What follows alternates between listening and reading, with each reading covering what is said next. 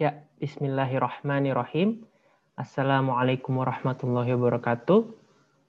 Selamat malam teman-teman. Eh, Alhamdulillah kita bisa dipertemukan lagi di Daurah Tafsir Ijmali membahas juz 12. Alhamdulillah malam ini kita bisa dipertemukan kembali dengan Ustadz Nur Fajri Ramadan sebagai uh, pengampu dari daurah ini. Uh, puji syukur kita kehadirat kepada Allah Subhanahu wa taala dan salat serta salam kepada baginda besar Nabi Muhammad SAW. Semoga tercurah ke keluarganya maupun para sahabatnya.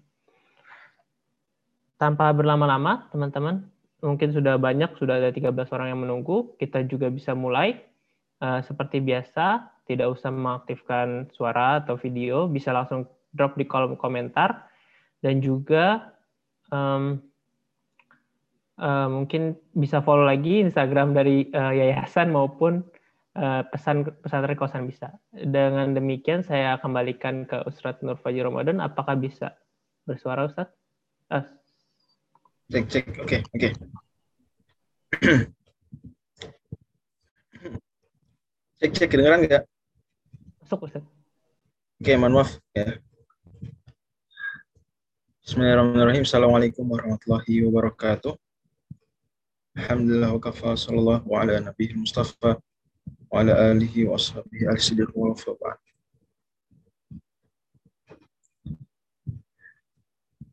Sebelum masuk, saya mau eh, melakukan sesuatu yang tidak saya lakukan di pertemuan-pertemuan sebelumnya, yaitu sebetulnya mungkin saya tidak tahu dibaca atau tidak, tapi saya selalu mengirimkan maghrib ya pokok malam hari sebelum kita mulai pengajian ya kadang sedikit habis isya kadang sebelum maghrib.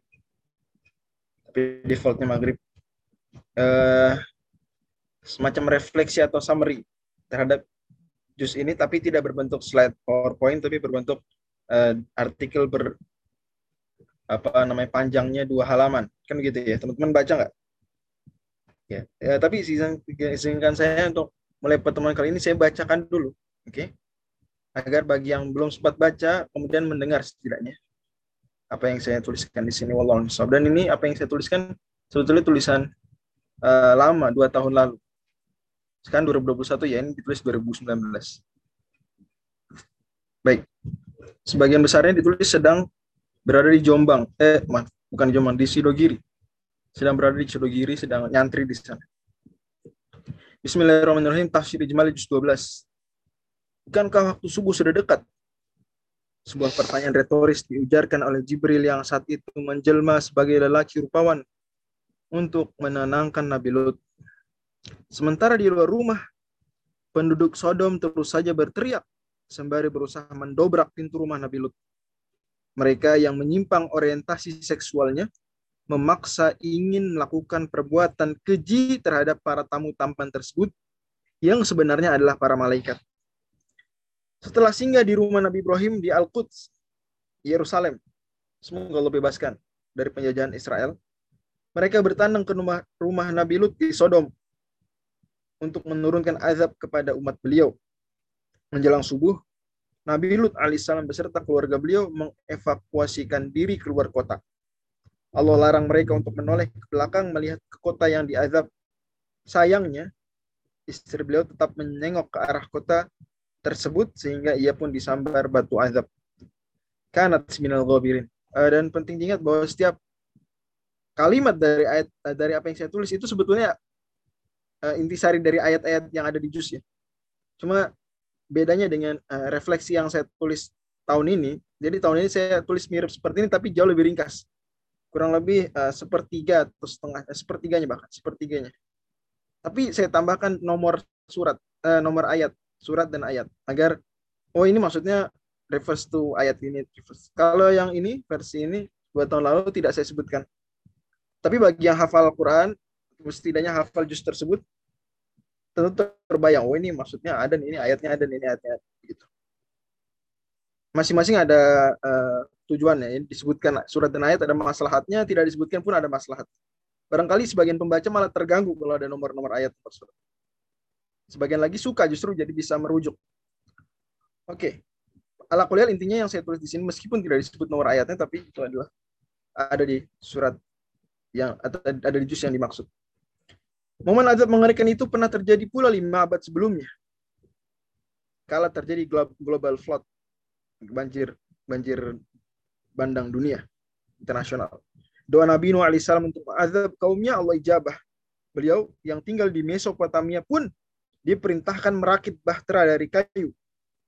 Semakin dicemoohlah beliau oleh kaumnya karena merakit perahu bukan di tepian pantai. Hanya saja Kala banjir telah tiba, semua tenggelam kecuali hewan-hewan dan mereka yang beriman kepada Nabi Nuh. Nabi Nuh dan pengikutnya memperhatikan saksama bagaimana sekeliling bahtera dibanjiri curahan air dari langit dan semburan bah dari bumi. Dari kejauhan nampak Kanan atau Yam, versi Bible-nya Yam. Salah satu putra Nabi Nuh, atau mohon maaf, Kanan versi Bible, Yam itu versi bahasa Arab menyebutnya dengan Yam juga. Berbeda dengan Sam, Ham, dan Yafis yang beriman serta sudah lebih dulu naik. Ia berkata, biarlah aku lari, mendaki, menuju puncak gunung agar aku selamat. Tukas Kanaan saat disuruh sang ayah untuk naik ke atas kapal laut. Tapi banjir terus meninggi sampai ke atas puncak gunung sehingga ia pun tenggelam. Adapun kapal Nabi Nuh, maka ia terus berlayar selama 40 hari sebagai satu-satunya objek di bumi yang tidak tenggelam hingga banjir surut dan mendarat di Bukit Jud di Turki. Uh, penting diingat juga bahwa untuk uh, yang saya tulis dua tahun lalu ini yang, yang ada di hadapan para pembaca, para para hadirin, itu uh, saya masukkan sedikit tafsir. Artinya uh, mungkin tidak tersebut di ayat 40 hari kayak gitu ya, tapi itu sebetulnya uh, ringkasan dari dari tafsir-tafsir yang saya pernah pelajari. Azab juga melulu lentakkan wilayah Ahqaf, Yaman, tempat tinggal suku Ad umat Nabi Nuh alaihissalam. Angin kencang menerpa pemukiman mereka tanpa henti sepanjang delapan hari tujuh malam hingga mereka mati bergelimpangan. Azab pun menimpa wilayah Hijr Arab Saudi tempat tinggal suku Samud umatnya Nabi Soleh alaihissalam. Suara menggelegar bagai guntur beriring gempa bumi memporak-porandakan bangunan-bangunan mereka. Begitu pula azab melumat wilayah Madian Arab Saudi tempat tinggal Ashabul Aikah umatnya Nabi Shu'aib alaihissalam gempa yang menghancurkan, teriakan yang memakakkan, serta awan azab yang mematikan, membinasakan mereka. Seluruhnya terjadi karena mereka mendustakan para rasul dan memusuhi dakwah mereka. Maka tidakkah kalian, wahai musyrikin Mekah, mengambil pelajaran? Tidakkah kalian tergugah untuk menghapus jejak dosa dengan menyusulkan kebaikan? Janganlah justru kalian jumawa ketika kami tangguhkan azab dengan berkata, apakah yang menghalanginya datang? Ketahuilah ketika azab itu datang, tidaklah dapat kalian elakkan. Kalian tak mampu menghalangi siksaan Allah di bumi dan tidak akan ada bagi kalian penolong selain Allah. Azab itu dilipat gandakan kepada kalian. Ingat pula bahwa perumpamaan orang kafir dan mukmin laksana orang buta dan tuli dengan orang yang dapat melihat dan dapat mendengar. Samakah kedua golongan itu? Maka tidakkah kalian mengambil pelajaran? Tidakkah tergerak hati mereka untuk bertobat laiknya leluhur Bani Israel Allah muliakan mereka dengan taubat serta mengisahkan migrasi mereka dari Syam ke Mesir. Sebab mulai dari ayat 69 surat Hud Allah ceritakan bahwa rumah Nabi Ibrahim itu pula anak beliau Ishak dan cucu beliau Yakub atau Israel di Syam. Tetapi mulai ayat 96 Allah kisahkan bahwa Bani Israel keturunan Nabi Yakub berada di bawah perbudakan Firaun di Mesir. Allah bawakan hikayat bahwa Nabi Yakub alaihissalam memiliki 12 putra Anak yang ke-11 tetapi paling beliau cintai ialah Yusuf yang kelak menjadi nabi. Yusuf kecil berkisah pada ayahandanya bahwa beliau bermimpi melihat sebelas gemintang, surya dan chandra bersujud kepadanya. Ayahnya pesankan agar jangan dia ceritakan pada siapa pun, apalagi saudaranya. Tetapi takdir Allah pasti terjadi. Kesepuluh kakaknya pun berunding hendak mengenyahkannya karena kasih sayang Nabi Yakub begitu kentara padanya melebihi perhatian beliau kepada anak-anak lainnya. Diajaklah Yusuf yang masih berusia 17 tahun keluar kota, lalu dimasukkanlah ia ke dalam sumur setelah pakaian beliau dilucuti. Yusuf muda diboyong kafilah dagang dan dijual di Mesir sebagai budak milik Al-Aziz Potifar.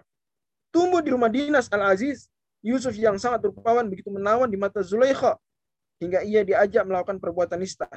Yusuf lari menyelamatkan iman, akhlak dan kemuliaannya hingga koyak pakaiannya karena ditarik dari belakang. Sejatinya telah terbukti Yusuf tak bersalah. Tetapi karena berita tersebut viral di Mesir, dan Yusuf pun enggan menuruti ajakan lucah teman-teman wanitanya Zulaikha, maka Yusuf tetap dimasukkan ke penjara. Bagi Yusuf, masuk penjara lebih tidak lebih hina. Bagi Yusuf, saya ulangi, Masuk penjara tidak lebih hina daripada masuk perangkap setan. Di penjara dalam jeruji besi lebih mulia daripada di penjara dalam hawa nafsu. Dijebloskannya Nabi Yusuf ke dalam penjara dengan tuduhan tak berdasar. Dijebloskanlah Nabi Yusuf ke dalam penjara dengan tuduhan tak berdasar. Bersamanya di satu sel, masuk pula dua pemuda. Seiring berjalannya waktu, kedua anak muda itu semakin kagum dan percaya pada Nabi Yusuf. Mereka pun mengisahkan mimpi mereka kepada beliau, di mana yang seorang bermimpi memeras anggur menjadi khomer, dan yang satu lagi bermimpi ada roti di atas kepalanya yang disambar burung. Sebelum ditakwilkannya mimpi tersebut, Nabi Yusuf lebih dahulu ajak mereka kepada tauhid. Beliau paparkan tanda-tanda kebesarannya, termasuk mengajarkan ilmu takwil mimpi kepada beliau. Barulah beliau terangkan bahwa orang pertama yang dibebaskan dari penjara lalu menjadi pelayan raja, sementara orang kedua akan dihukum pancung.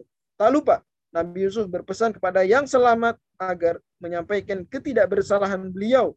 Sayang, setan membuatnya lupa sehingga beliau Nabi Yusuf tetap mendekam di penjara. Tujuh tahun berselang, raja bukan Feroh, bukan Firaun, sebab mereka bangsa Hiksos bukan Koptik. Raja Mesir mengumpulkan para penasir mimpi kenamaan seantero kerajaan untuk menanyakan takbir mimpinya yang berisi tujuh sapi gemuk dimakan tujuh sapi kurus serta tujuh tangkai hijau dimakan tujuh tangkai kering. Mereka menyerah Lalu teringatlah seorang pelayan raja yang dulu bersama Nabi Yusuf di penjara, sehingga ia datangi Nabi Yusuf untuk mendapatkan jawaban. Nabi Yusuf menakwilkan mimpi itu dengan mengagumkan. Raja pun mengundangnya ke istana. Nabi Yusuf enggan datang sampai kasusnya dituntaskan dan nama baiknya dibersihkan lebih dulu. Kebenaran pun diakui oleh Zulaikha yang akhirnya bertaubat.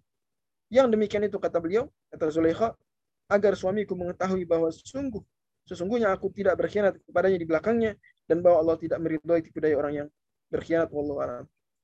Uh, para jamaah yang dirahmati Allah Subhanahu wa taala, juz 12 dimulai dari surat Hud ayat ke ayat ke-6 maksud saya. Tak salah tulis ini ayat ke-6 sampai surat Yusuf ayat 52. Dan masih membahas tema besar surat Hud bahkan sebetulnya baru terbahas sesungguhnya di juz 12 karena juz 11 menyinggung surat Hud sangat sedikit 5 ayat saja. Adapun di sini mulai dari ayat ke-6 wa min sampai seterusnya akhir surat menyinggung tentang keseimbangan ajaran Al-Qur'an. Keseimbangan ajaran Al-Qur'an. Surat Hud menyebutkan atau tema besarnya menurut Al-Fakir adalah keseimbangan ajaran Al-Qur'an. Ditambah tema besar surat Yusuf. Tema besar surat Yusuf adalah motivasi untuk bersabar. Konsep-konsep ini sangat banyak tentunya karena surat Hud dan surat Yusuf keduanya merupakan surat Makiyah. FYI, sebelum kita sebutkan ayat-ayat akidahnya, surat Yusuf kan surat yang ke-12. Dan malam ini kita bahas juz 12. Dan di dalam Al-Quran, hanya tiga surat saja yang nomor suratnya sesuai dengan nomor juznya. Yaitu surat apa aja berarti? Ini nomor suratnya surat sekian. Juznya juz sekian juga. Satu surat Yusuf, clear. Karena surat Yusuf surat ke-12 dan ada di juz 12. Ini sebagian atau tidak semuanya. Oke. Okay. Uh, surat apa lagi? Ada yang tahu? Ngomong-ngomong dari tadi kelihatan share screen nggak sih? Lupa sih share screen. Oke, okay, kelihatan nggak? Ah, surat apa lagi selain surat? Oke, okay, Al-Fatihah clear. Al-Fatihah. Al-Fatihah. Al-Fatihah uh, surat 1 juz 1. Surat Al-Baqarah oke. Okay. Surat 2 juz 2. Al-Kahfi. Gimana Al-Kahfi? Surat 18 tapi adanya di juz 15 16. Enggak, enggak pas. Oke, jadi tiga surat saja yaitu surat Al-Fatihah, Al-Baqarah dan surat Al-Imran. Al-Imran gimana? Masuk ya Al-Imran oh, berarti berarti 4 surat, 4 surat. Al Imran juz 3. Al Imran surat 3 juz 3. Ya benar ya? Oke. Okay. Berarti 4 surat. Nah. Al-Fatihah, oke. Okay. Kok nggak ada yang jawab Al Imran? Ya, Al-Fatihah, Al-Baqarah, Al Imran. Tambah surat Yusuf. Sisanya nggak sinkron. Nomor surat dan nomor juz. Wallahu Oke, okay, sekarang kita no dari tadi ternyata nggak share screen. Mohon maaf. Padahal mas saya share screennya biar kebaca lihat juga aduh qadarullah masyafat mohon maaf ya sekali lagi keteledoran. Nah, ini share screen begini sebetulnya.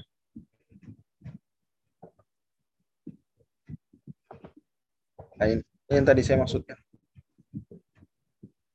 Oke, okay. tapi nggak apa-apa lah. Oke, lanjut kita ke slide di PowerPoint.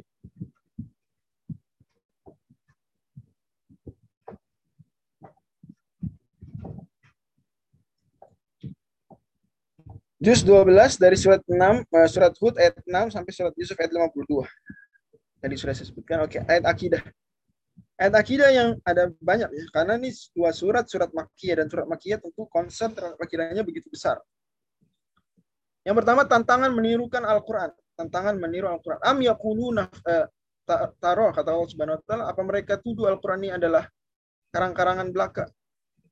Uh, kalau memang begitu, ya bikinlah Cuma di sini menariknya kalau di surat Hud adalah Allah menantang Qul fa'tu bi asyri suwarin mislihi muftarayat. Kalau gitu datangkan 10 surat. Datangkan 10 surat karang-karangan kalian seperti 10 surat di Al-Quran. Nah, ini menarik. Biasanya di ayat lain itu tantangannya satu Quran atau tantangannya satu surat. Kan begitu.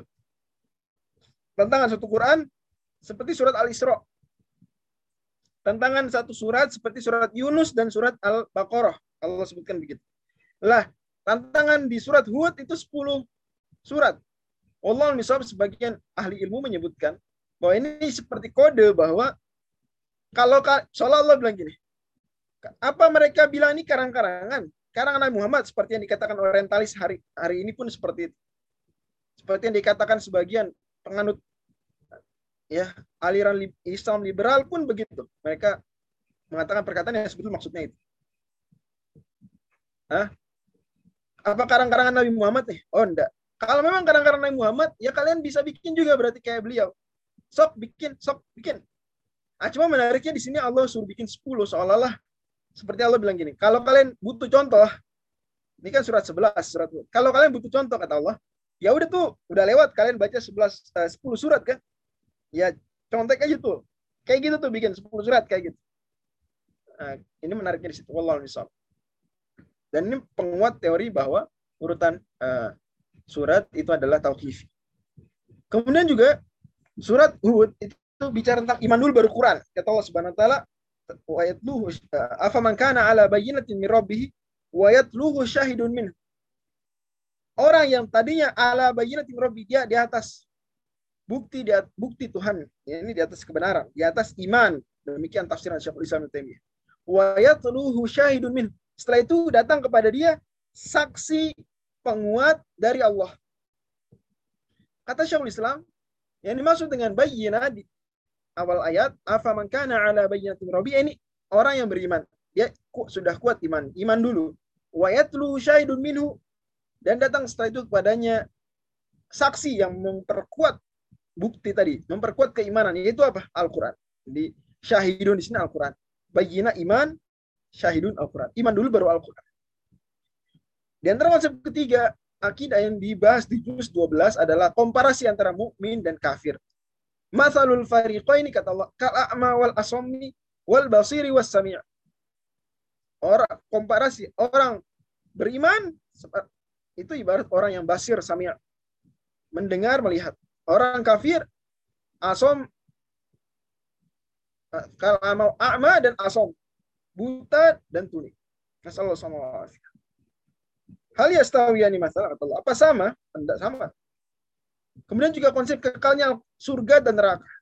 Di akhir surat 11, surat Hud, Allah Subhanahu wa taala menyinggung tentang eh, fa ammal ladzina fa finnari lahum fiha zafir wa syaiqalina fiha ma damat samawati wal ardu illa ma syaa rabbuk inna rabbaka fa'alu lima lima yurid wa amma alladhina su'idu fa, fil jannati khalna fiha ma damat samawati wal ardu illa ma syaa rabbuk ata'an ghairu majzuz di sini jelas bahwa maksudnya adalah surga kekal, begitu juga neraka kekal menurut surga ijma ahlu sunnah wal jamaah, neraka yang benar ijma juga menurut ulama ahlu sunnah wal jamaah. Adapun pendapat yang menyelisih ijma kekal neraka, pendapat yang menyeleneh siapa pun yang mengatakannya meskipun yang mengatakan Syekhul Islam Ibnu Taimiyah atau Ibnu Qayyim semoga Allah merahmati kedua tapi ini keliru menyelisih ijma yang sudah lebih dulu terwujud. Wallahu Pelajaran poin akidah yang kelima yang Allah terangkan di juz 12 adalah tentang konsep keragaman yang Allah Subhanahu memang sengaja. Walau syaa rabbuka la ja'alan nasa ummatan wahidah. Kalau Allah mau Allah bikin homogen semua umat.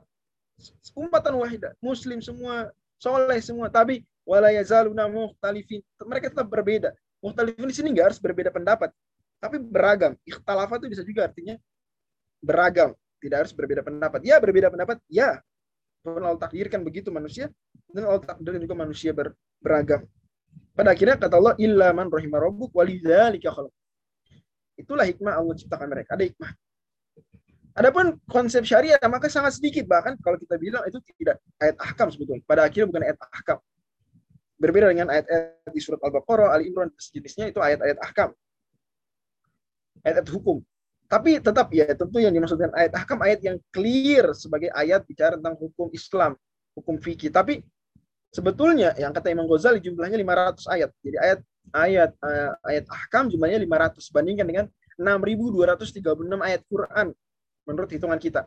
6.236 ini 500 6.000 berarti 1 per 12 kurang lebih. 1 per 12 apa? 1 per 12 uh, bagian dari Quran. Itu ayat ahkam. Jadi hukum fikih itu cuma seper 12. Sisanya apa? Sisanya akidah, sisanya hikayah. Al-Quran, akidah, syariah, hikayah. Oke. Okay. Tapi bukan berarti tertutup kemungkinan kita memetik konsep-konsep syariah, konsep-konsep hukum Islam dari ayat-ayat akidah atau dari ayat-ayat hikayah. Malah ayat hikayah itu banyak. Hukum fikih bisa diambil dari situ. Cuma ya eh, nampak bukan tapi sebetulnya semua hukum, eh, semua ayat Al-Quran itu bisa ditarik pesan akidah, semua ayat Quran bisa ditarik pesan hukum syariah, hukum fikih. Oke. Okay. Ada tiga setidaknya. Yang pertama adalah perintah istiqomah. Fastaqim kama umirtah. Bahkan kata Nabi SAW, syayyabat hudun wa. Surat Hud dan surat-surat saudari-saudarinya bikin saya beruban. Di antara, walaupun bukan yang terkuat pendapat ini, di antara penjelasan para ulama, yakni karena surat Hud nyuruh istiqomah. Dan istiqomah itu even Nabi SAW merasakan itu adalah hal yang butuh perjuangan luar biasa. Semoga Allah taala istiqomahkan kita. Amin dan mudahkan dan berikan kita kekuatan. Kemudian juga konsep syariah adalah perintah untuk mengiringi keburukan dan kebaikan. Jadi ya manusia pada akhirnya tempat keliru, tempat salah, tapi Allah perintahkan kalau berbuat buruk segera iringi dengan kebaikan. Ya. Innal hasanati kata Allah yudhibna sayyat. Sungguh kebaikan melebur, menghancurkan, menghilangkan keburukan. Semoga Allah Subhanahu wa taala ampuni kesalahan kita melebur keburukan kita dengan kebaikan kita amin ya Yang terakhir larangan loyal terhadap orang zalim. Kita disuruh barok dari mereka tidak tidak loyal. Kata Allah Subhanahu wa taala, "Wala tarkanu ila alladziina zalamu fatamassakum benar. Kalau kamu dekat-dekat orang zalim loyal pada mereka, maka kamu juga bisa kena neraka Nah, kemudian bagian terbesar dari juz 12 adalah kisah. Bahkan di situ ada dua ayat penting tentang konsep kisah dalam Al-Quran. Yang pertama adalah kata Allah wa kullan naqussu 'alaika min amba'ir rusuli ma nuthabbitu bihi fuadak. Demikian semua kisah-kisah Rasul kami ceritakan pada engkau wahai Nabi agar apa? Agar dengan kisah tersebut kami teguhkan hati Maka kalau kita ingin teguh hati ya di antara resepnya adalah membaca or, kisah, membaca kisah. Untuk Muslim, kisah para nabi, kisah Rasulullah SAW, kisah orang-orang soleh. Untuk para pendakwah, lebih khusus seperti Nabi SAW, kisah para pendakwah juga, para nabi. Dan dan itu jelas. Dokter yang dia baca kisah dokter sebelum beliau, sebelumnya, legenda-legenda dokter atau alumni-alumni fakultas dia, akan lebih termotivasi dalam belajar, dalam be bekerja misalnya. Eh, seorang saintis juga begitu, seorang insinyur begitu, seorang psikolog ekonom dan seterusnya. Dia baca cerita orang-orang yang seprofesi dengan dia legenda-legenda hidupnya atau legenda yang sudah wafat itu akan termotivasi. Nuthab li kadzalik wa qulna naqussu alaika min ambai rusuli ma fuadak wa ja'aka fi hadhil haq kata Allah di dalamnya ada kebenaran ada nasihat dan ada peringatan bagi orang beriman next kemudian ada delapan kisah di juz 12 yang pertama kisah Nabi Nuh bahkan ini kisah Nabi Nuh terlengkap itu di surat Hud maka muncul pertanyaan, kenapa nggak dinamain surat Nuh aja kalau gitu? Kenapa malah surat Hud? Kenapa nggak surat Nuh? Padahal jelas bahwa Nabi Nuh disebutkan kisahnya di banyak surat. Tapi yang paling lengkap itu di surat Hud. Kenapa enggak surat Hud ini surat 11 disebut surat Nuh? Jawabannya karena sudah ada duluan surat lain yang itu Nuh banget. Surat apa? Ada surat lain yang dia ya oke okay, dia nggak selengkap kisah Nabi Nuh di surat 11, tapi surat kisah Nabi Nuh di surat tersebut dominan. Benar-benar semua surat tuh satu surat itu Nabi Nuh aja. Surat apa? Ya surat. Ya surat. Itu surat. Adapun kenapa disebut surat Hud kalau gitu? Ya karena kisah Hud di sini Allah wa kasih keistimewaan. Ya ada penekanan di surat di kisah Nabi Hud di sini dan tidak dijumpai di kisah Nabi Hud di surat-surat lain maka inilah dipilih sebagai nama surat Allah. Kemudian juga ada kisah Nabi Nuh yang poin pentingnya yang yang kenapa disebut paling lengkap di antaranya karena di situ Allah jelaskan kronologi sebelum terjadinya banjir. Bagaimana Nabi Nuh kemudian dia uh, berdakwah, kemudian sempat putus asa sampai berdoa kepada Allah kemudian Nabi Nuh membangun, bikin uh, perahu, kemudian bagaimana proses sudah di atas perahunya, kemudian doa apa yang diucapkan Nabi Nuh di atas perahu, kemudian bagaimana ada anaknya ternyata Nabi Nuh, kemudian bagaimana Nabi Nuh kemudian berdoa minta anak Islam diampuni bla bla dan seterusnya tapi Allah tegur Allah ya dalam tanda kutip tegur keras sehingga Nabi Nuh kelak di mahsyar ketika dimintai syafaat umuman Nabi Nuh. uh, berkilah atau ya, yang enggan tidak mau segan karena merasa pernah bersalah pada Allah Subhanahu Nabi Hud Allah Subhanahu ceritakan bagaimana Nabi Hud dan berpidato di depan kaumnya. Benar-benar begitu tegar beliau Subhanahu wa panjang pidato Allah Subhanahu sebutkan mulai dari ayat ke uh, eh, 54 sampai ayat ke 60 inna qul illa taraka ba'du ahli suka ketika dituduh maka dia mengatakan qala ini usyirullah beliau mengatakan aku mempersaksikan Allah. Wa syahadu anni bari'un mimma saksikan juga kalian aku berlepas diri dari semua yang kalian sekutukan. Bla bla seterusnya panjang. Luar biasa Nabi Nabi Hud begitu berani. Nah, sampai-sampai sebagian ulama seperti Al-Imam Abil Iz dalam syarah Qidatul Hawiyah sebutkan barangkali ini mujizat terbesar Nabi Hud yang disebutkan Quran adalah ya keberanian beliau. Berada sendirian berhadapan dengan penduduk Ahqaf yang sedang memusuhi beliau padahal badannya gede-gede. Bang Saat itu gede-gede badan, tapi Nabi Hud berani dengan penuh berani itu Allah Nisab kata beliau itu mujizat terbesar Nabi Hud di dalam Al-Quran. Kemudian Nabi Soleh kisahnya Allah sebutkan juga. Walaupun tidak sedetail di uh, surat lain, tapi Nabi Soleh disebutkan cukup panjang. Uh, ada delapan ayat. Dan Nabi Ibrahim, eh tujuh ayat, sorry. Nah, kisah Nabi Ibrahim, Allah Subhanahu ceritakan Nabi Ibrahim datangi tamu, yang itu sebenarnya malaikat, malaikat cuma numpang lewat ingin mengazab penduduk Sodom dan seterusnya. Kemudian bahkan diberikan di situ uh, akan dikasih anak Nabi Ishak dan nanti Nabi Ishak punya anak namanya Aktub Alisa. Dan itu sebetulnya Nabi Ibrahim sudah punya anak sebelumnya Nabi Nabi Ismail. Tapi yang dimaksud di sini anak dari Sarah. Anak dari Sarah alaihissalam. Baik. Kemudian kisah Nabi Lut, Nabi Lut kisahnya di sini cukup epic ya karena juga disebutkan kronologi bagaimana uh, proses azabnya. Bahkan di situ ada perkataan alaih subuh bukhari bukankah subuh sudah dekat? Nabi Lut.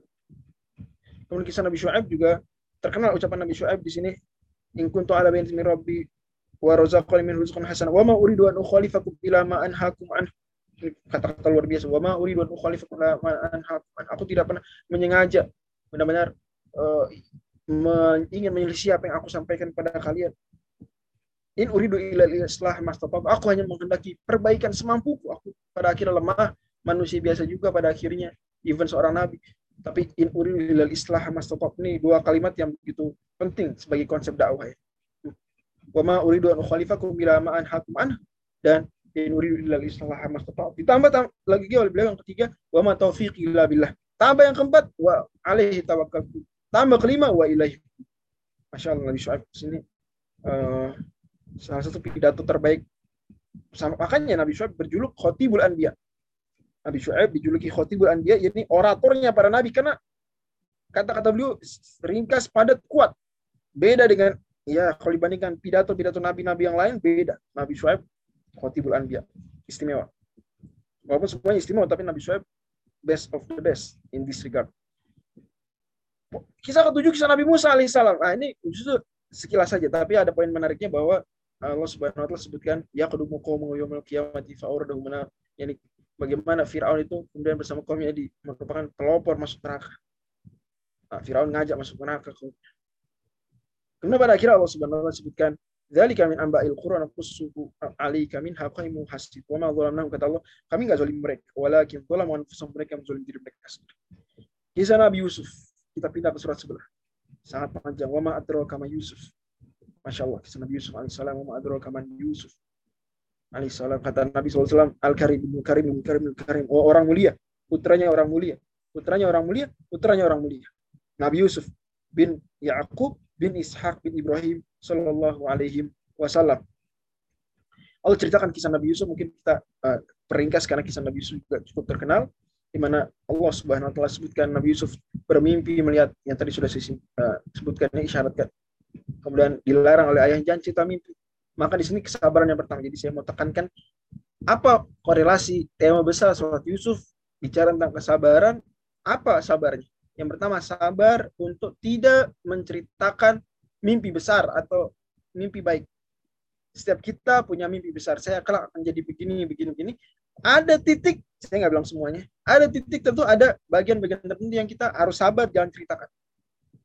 Dan itu bagian dari strategi kita mencapai kesuksesan tersebut. Karena pada akhirnya, ya bisa saja ketika diceritakan, disampaikan, apalagi di publik, apalagi di uh, yang let's say di, di, di media sosial yang everyone can ya, watch, can see, itu bakal barangkali problemnya lebih besar, mudaratnya lebih besar daripada maslahatnya.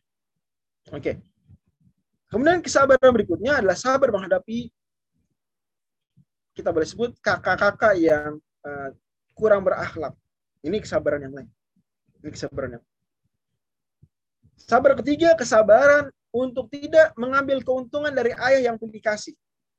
Banyak ulama kemudian menyebut bahwa sebetulnya yang dilakukan Nabi Yakub barangkali barangkali itu bukan sesuatu yang ideal. Kita tidak bilang itu sebagai sebuah dosa, tapi sesuatu yang tidak ideal. Nabi Yusuf alaihissalam bisa saja terus memanfaatkan, ngambil keuntungan, tapi tidak dilakukan. Ini bentuk kesabaran yang lain. Kesabaran yang keempat adalah kesabaran ketika Nabi Yusuf berada di dalam sumur. Sudah dijatuhkan, sabar dia. Nabi Yusuf sabar. Bahkan sampai Allah hibur. Nabi Yusuf alaihissalam dengan ilhamnya waktu itu, menurut pendapat kebanyakan ulama, belum diberikan wahyu. Tapi Allah sebenarnya sudah berikan ilham. Ya, la tunabbi annahum bi amrihim hadza wa hum la yash'urun. Engkau akan cerita kelak apa yang terjadi pada engkau ini. Nabi Yusuf udah sabar di situ. Diboyong jadi budak itu sabar. Sabaran kelima adalah sabar ketika dijual. Nabi Yusuf bisa saja protes. Enggak, enggak, enggak, saya orang merdeka, bla bla. Cerita, tapi Nabi Yusuf sabar. Padahal usia Nabi Yusuf sudah 17 tahun. Sabar yang keenam kita tahu sabar kisah satu halaman yang begitu luar biasa dalam Al-Quran warawalatul lati wa fi baiti sabar menghadapi godaan lawan jenis semoga Allah SWT jaga kita kuatkan kita ampuni kita kemudian yang ke tujuh sabar ketika Nabi Yusuf alaihissalam kemudian uh, ditawarkan dalam tanda kutip ya masuk penjara ataukah masuk penjara dunia atau ke penjara hawa nafsu maka Nabi Yusuf alaihissalam memilih masuk penjara dunia untuk sabaran yang lain dituduh ya padahal tidak beliau lakukan Sabar yang ke-8, sabar. Ketika ada dua orang ingin minta penjelasan takbir mimpi, Nabi Yusuf nggak langsung jelaskan. Sabar dulu, tapi berdakwah. Ini nggak jarang ya di antara kita yang kemudian dapat momen seperti itu. Kemudian langsung kita pasti ya oh iya jawabannya begini. Nggak sabar. Karena orang ini kalau nggak dikasih tahu dakwah saat itu barangkali nggak akan dengar ceramah. Maka itu momen. Mumpung mereka lagi mau minta pertanyaan minta jawaban pertanyaan jarang-jarang maka dikasih tahu kesabaran sendiri. Sabar yang kesembilan, sabar. Ketika orang yang dibantuin malah lupa kacang, eh kacang, sorry, kacang lupa akan kulitnya. Dia lupa untuk membela Nabi Yusuf. Padahal udah dipesanin, tolong ya, kamu udah saya bantu dalam tanda kutip seperti itu. Eh malah dia lupa, lupa jasa Nabi Yusuf. Ini sabar sendiri, dia bisa aja kemudian berdendam. Kan nanti orang itu datang ke Nabi Yusuf. Nabi Yusuf, tolong nih raja mimpi, takwilkan mimpi. Nabi Yusuf aja marah-marah waktu itu. Kamu gimana selama ini? Sudah tujuh tahun saya dikurung di sini. Kamu, kamu. Bisa aja, tapi enggak Nabi Yusuf sabar. Masya Allah. Sabar yang berikutnya, sabar ketika raja itu minta Nabi Yusuf dibebaskan. Nabi Yusuf bilang, tar dulu, tar dulu. Tunggu saya nama baiknya dibebaskan, dibersihkan dulu. Kata Nabi SAW, Nabi Muhammad SAW ketika bawakan cerita ini, kata beliau, ya, kalau saya Yusuf, saya nggak akan sabar. Ya. La ajab da'i kalau seandainya aku tuh Nabi Yusuf saat di penjara, raja bilang bebaskan. Ya, waqala al-maliku tuni bihi. Itu Nabi Yusuf kalau kata Nabi Muhammad SAW bentuk rendah hati beliau dan bagaimanapun ini penggambaran betapa besarnya sabar Nabi Yusuf. Kata Nabi Muhammad SAW, la ajab tudai. Kalau saya jadi Nabi Yusuf di situ, kalau aku tuh makanau la ajab tudai. Aku akan mau tuh ketika, ayo bebas, mau. Tapi Nabi Yusuf enggak sabar. Waqal malikutuni bi falam maja'ahu rasul qala rji' ila rabbika fashal ma balu niswati lati qata'na aydihunna inna rabbi bi kaydihim alim. Sabar yang berikutnya adalah sabar ketika Nabi Yusuf dibawa ke pengadilan, kemudian berhadapan dengan Zulaikha, sosok yang memfitnahnya dahulu, berhadapan dengan rezim Mesir yang waktu itu jahat, zolim terhadap mereka pejabat-pejabat yang sebelum tahu fakta kenyataan tapi berusaha menjebloskan Nabi Yusuf karena ingin menjaga kepentingan tertentu. Nabi Yusuf sabar. Nabi Yusuf bisa saja mendendam banyak ya kemudian mengungkapkan kemarahan di situ tapi tidak dilakukan Nabi Yusuf bahkan pada akhirnya al-ana hasasol haku nanti di awal juz berikutnya jelas malah kebenaran eh, enggak di akhir juz ini uh, al-ana hasasol hak telah jelas kebenaran tanpa perlu Nabi Yusuf alaihissalam kemudian mengungkapkan kesalahannya dan ini buah dari kesabaran dan masih banyak kesabaran-kesabaran lainnya nanti dibahas di juz selanjutnya. Seperti sabar ketika Nabi Yusuf sudah jadi punya power sabar ketika Nabi Yusuf harus ingin mendatangkan Bunyamin, sabar berstrategi, sabar ketika Nabi Yusuf di dalam tanda kutip dihina secara terang-terangan oleh uh, saudara-saudaranya tanpa mereka menyadari, tapi Nabi Yusuf sadar itu sebetulnya hinaan. Sabar ketika saudara-saudaranya tidak menjalankan apa yang diinginkan Nabi Yusuf alaihissalam. Sabar ketika, masya Allah, sudah di puncak kejayaan Nabi Yusuf bisa menghukum saudara-saudaranya tapi tidak dilakukan. Sabar ketika diberi amanah untuk mengurus harta Mesir, tapi beliau tidak korupsi, bahkan menjalankan sesuai dengan yang beliau telah gariskan sebelumnya 771 tahun strategi tersebut. Ini luar biasa. Pada akhirnya kata Allah Subhanahu wa taala, demikianlah kami balas orang-orang yang muhsinin. Kadzalika najzil muhsin. Wallahu a'lam. Demikian kita kaji. Dan memang pada akhirnya kisah Nabi Yusuf itself dan kisah-kisah di Al-Qur'an menurut pendapat sebagian tafsir itu adalah the best stories ever. Atau kita boleh bilang kalau kisah Nabi Yusuf aja the best story. Ya kisah ahsanal qasus nah naku alaika ahsanal qasus kisah terbaik. Dan menariknya kata kata Allah Subhanahu wa taala wa in kunta min qabli min ghafilin engkau wahai nabi sebelumnya tidak tahu. Engkau nabi tidak tahu cerita-cerita tersebut engkau nggak tahu tapi Allah yang ceritakan. Kau bisa tahu dari Allah Subhanahu wa taala al alim al khabir Allah uh, demikian saya serahkan kepada uh, saudara uh, moderator Kemal. Assalamualaikum warahmatullahi